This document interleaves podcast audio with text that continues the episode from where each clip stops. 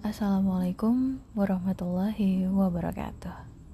Balik lagi sama aku di podcast Cerita Cando. Dan selamat menikmati beberapa episode-episode terbaru dari podcast Cerita Cando.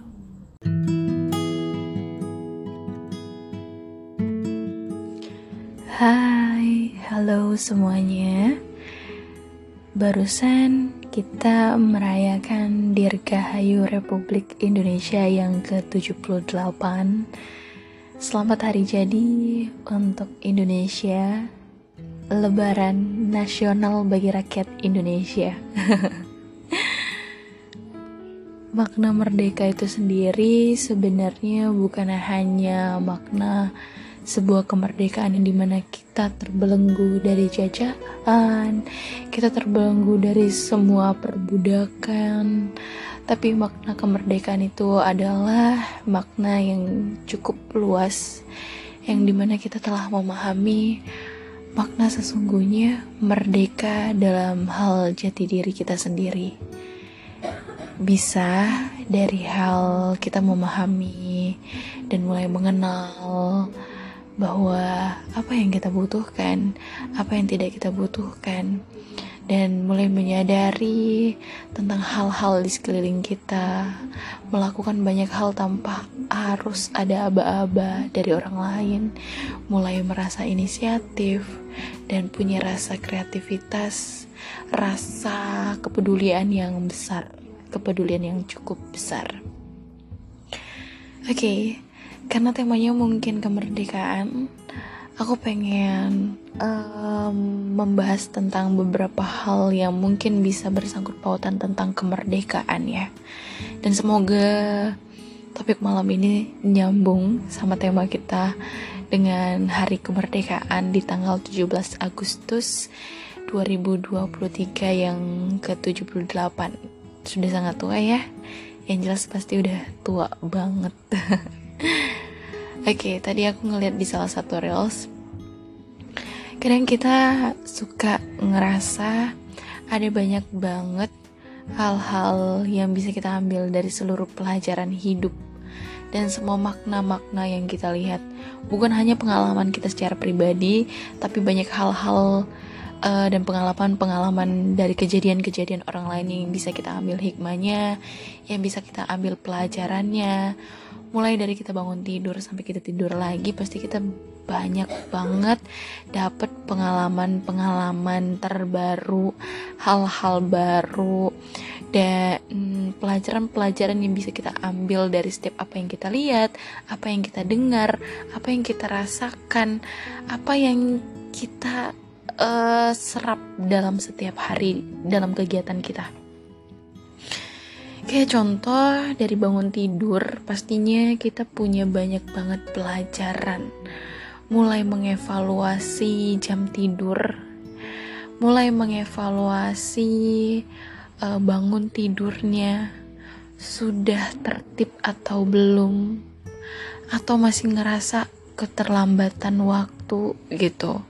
Pernah nggak ngerasain kayak gitu? Manajemen waktunya masih kacau dan harus banyak-banyak mengintrospeksi diri lagi bagaimana membenahi waktu-waktu itu. Karena waktu nggak akan pernah berhenti waktu akan terus berjalan berjalan dan berjalan dan kita juga tidak bisa hanya berhenti di tempat lalu datang tiba-tiba suatu keajaiban yang datang gitu kan kayaknya nggak mungkin banget ya Oke, okay, ngomongin soal uh, bela negara, kayaknya terlalu jauh banget ya. Kediri aja dulu sendiri. Jadi, tadi kan aku bahas tentang Reels Instagram. Aku sering banget ngeliatin di sosial media beberapa hal yang kayaknya seru deh dibahas di podcast kayak gitu ada beberapa makna yang harus kita ambil. Kita kadang sering banget kurang bersyukur sama apa yang sekarang sudah kita miliki. Kita sering banget menyepelekan hal-hal kecil yang sekarang sudah kita miliki gitu atau mungkin karena kita keseringan ngelihat di atas ya kita selalu terlalu sering melihat kesuksesan orang lain kita terlalu fokus dengan semua pencapaian-pencapaian orang lain sampai kita lupa bahwa kita juga kita juga tuh sekarang udah di atas loh. Tapi kita jarang mengapresiasi diri kita kita jarang banget melihat diri kita kita jarang banget ngobrol secara uh, secara batin sama diri kita apa aja yang udah kita torehkan apa aja hal-hal besar yang sudah kita capai yang sudah kita kerjakan yang sudah kita raih dalam perjalanan hidup kita. Mulai dari zaman sekolah kuliah sampai kerja itu pernah nggak kita itu mengapresiasi diri kita melihat dari setiap proses apa yang sudah pernah kita lakukan. Hal-hal susah apa sih? Hal-hal tersulit apa sih? Dan hal-hal terburuk apa sih yang pernah dan sudah kita lalui. Itu adalah salah satu hal yang wajib untuk kita apresiasi untuk diri kita dan bilang terima kasih ke diri bahwa terima kasih karena kamu tidak pernah menyerah dengan diriku karena kamu selalu ingin beriringan denganku bersanding selalu dengan diriku.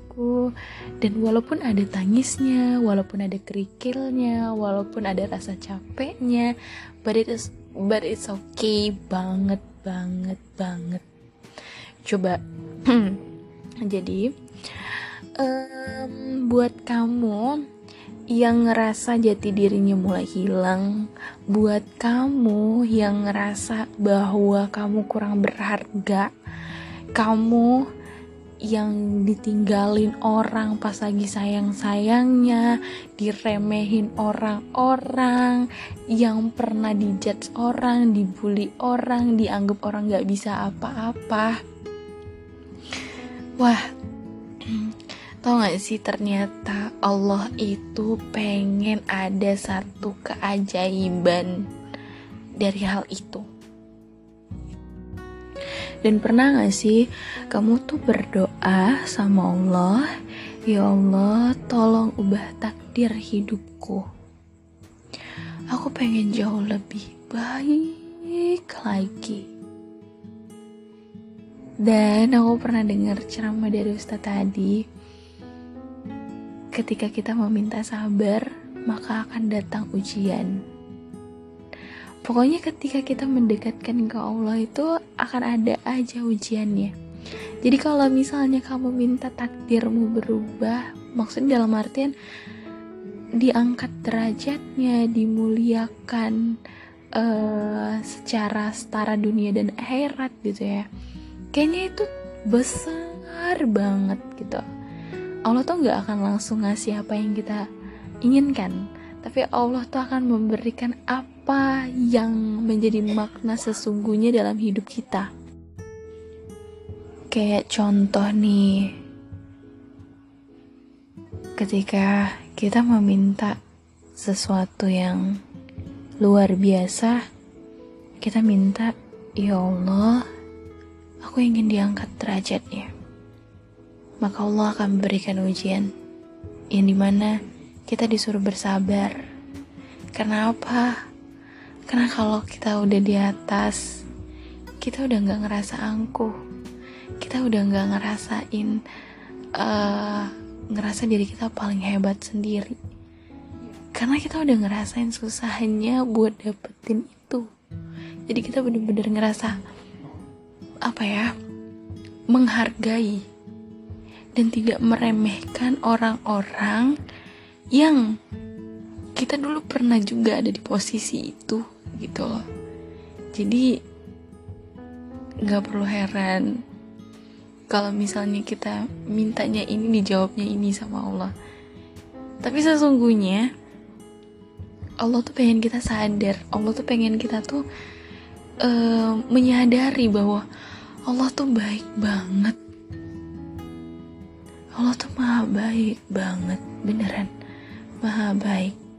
Kamu yang udah punya niat mau sholat tahajud aja, kamu tungguin tiga hari. Dari ujian itu, ah, masya Allah. Allah kasih rezeki yang banyak banget. Kamu menghindari maksiat. Baru niat aja nih ya baru niat aja. Tiga hari dua hari satu jam kamu udah ngerasain nikmatnya? Kamu udah ngerasain bahwa ya Allah Allah tuh baik banget. Allah tuh sesayang itu sama kita. Dan Allah tuh gak pernah ninggalin kita. Allah langsung kasih loh rezekinya. Mulai dari rezeki sehat rezeki dikumpulin sama orang-orang yang soleh dan soleha. Orang-orang yang jaga kita orang-orang yang baik dan sayang sama kita. Partner kerja yang biasanya nggak bisa dikontrol yang nggak bisa diajak kerja tim.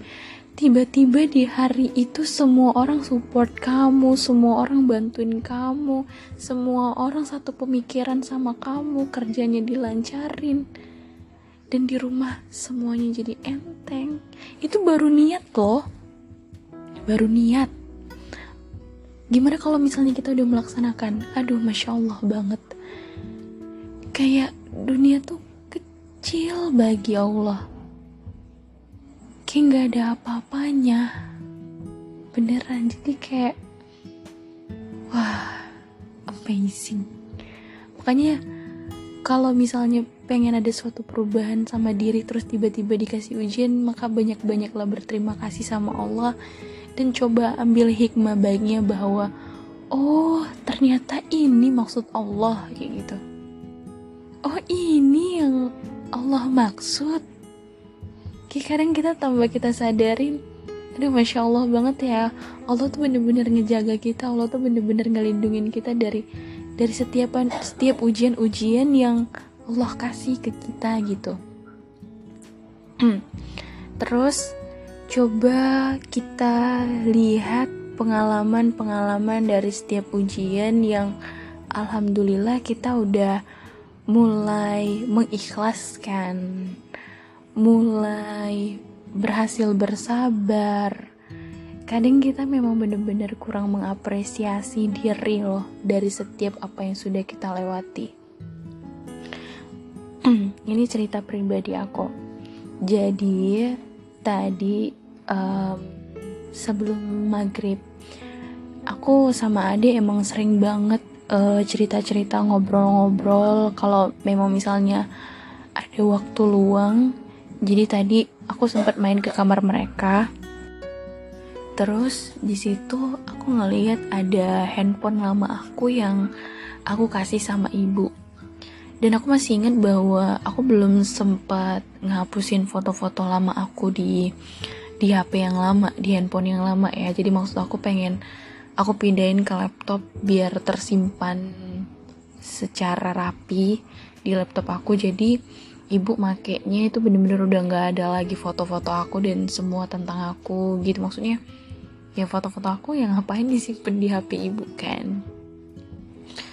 Takutnya nanti ibu perlu penyimpanan yang lebih besar jadi aku pindahin dulu lah foto-foto aku di laptop Terus aku scroll scroll, aku lihat-lihat di salah satu album di galeri uh, foto galeri foto di handphone lama aku. Di situ aku ngeliat salah satu foto adik, adik aku yang paling kecil dan di situ fotonya di rumah kita yang lama. Dan di rumah yang lama itu aku ngeliat sebenarnya um, kita pada saat itu tuh udah ngerasa bahwa rumah ini pokoknya kalau kalian yang udah pernah lihat podcast aku sebelum aku pindah ke rumah yang sekarang aku sempet nangis ngebahas soal rumah itu rumah yang lama itu karena rumah yang lama itu punya banyak kenangan banget sih dari kita kecil dari adik lahir sampai nikahan abang. Semua ada di rumah itu semua problem kisah-kisah kisah-kisah sulit-sulit masa-masa sulit kita tuh di rumah itu gitu. Jadi bener-bener uh, banyak banget sih apa ya kenangan-kenangan di rumah yang lama gitu. Dan poinnya adalah dan poinnya adalah keadaan rumah yang dulu itu uh, tidak sebagus rumah yang sekarang. Pokoknya kehidupan kita yang di rumah sekarang itu jauh uh, lebih baik dalam keadaan bangunannya ya. Kalau rumah yang ram yang lama itu ya bisa dibilang layak sebenarnya layak. Cuma kurang tersusun aja. Dan di situ aku kayak langsung nunjukin ke ayah aku ngeliatin ke ayah kayak ya lihat deh. Nyangka nggak sih kalau kita dulu pernah tinggal di sini gitu? Terus saya jawab nyangka lah kayak gitu. Dan akhirnya kita sama-sama flashback bahwa kita tuh pernah ngelewatin masa-masa sulit itu loh. Dan kita sekeluarga nggak ada yang nyerah apalagi ibu sama ayah nggak pernah nyerah untuk tetap pertahanin rumah. Walaupun ya keadaannya kayak gitu ternyata hikmah sabar hikmah um, ikhlas hikmah tetap berusaha walaupun dalam keadaan sulit dalam artian sabar ya. Tapi sabar itu bukan definisi kita berdiam diri dan gak ngapa-ngapain dan menunggu mukjizat tiba-tiba datang gitu ya. Mungkin seribu satu yang akan terjadi. Tapi aku memaknai sabar itu adalah ya sabar menerima atas apa yang sudah terjadi dan kita nggak berdiam diri tapi kita tetap usaha mencari alternatif lain berusaha mencari hal-hal yang kita tuh harus merubah hidup kita agar kita nggak kayak gini-gini aja gitu dan alhamdulillahnya kita pindah ke rumah yang sekarang. Aku ngerasa bener-bener punya privasi yang sangat luar biasa. Kita punya kamar sendiri-sendiri. Karena kalau yang dulu itu kita harus berbagi kamar. Sebenarnya enggak sih. Cuman uh, temboknya dulu kayak masih papan dan triplek. Jadi kalau misalnya mau bikin rekaman dan rumah yang dulu itu deket banget sama rel kereta api sebenarnya sama aja sih kayak yang di sini.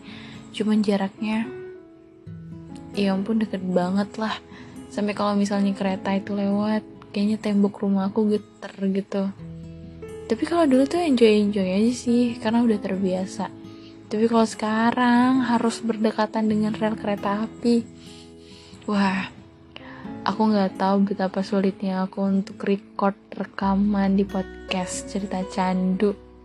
Dan sekarang aja aku masih pakai alat manual dan semoga nanti bisa kebeli alat ya biar nggak ada noise di dalam uh, rekamannya. Tapi semoga kalian tetap suka dengan semua episode-episode terbaru dari cerita candu.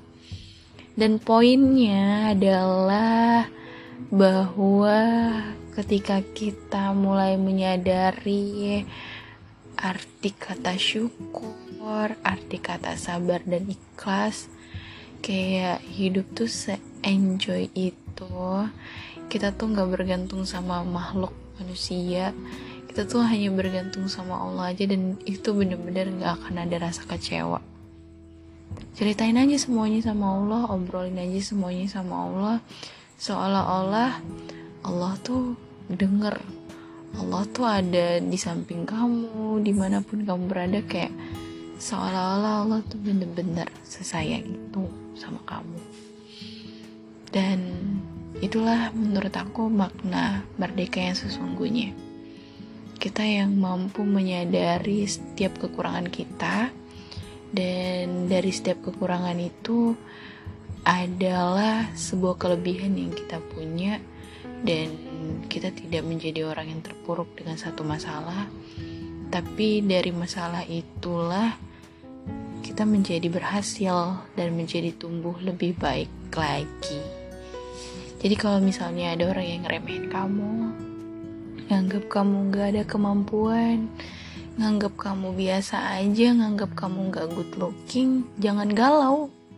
Jangan boleh kasih jeda ke diri buat galau eh, galau-galau. Bentar aja sih kasih jeda. Tapi jangan lama-lama karena takutnya kalau kelamaan nanti kamu keenakan dan lupa caranya buat bangkit. Jadi tetap semangat terus karena percayalah kalau kamu mau tetap usaha pasti akan ada jalan terbaik. Ingat aja itu.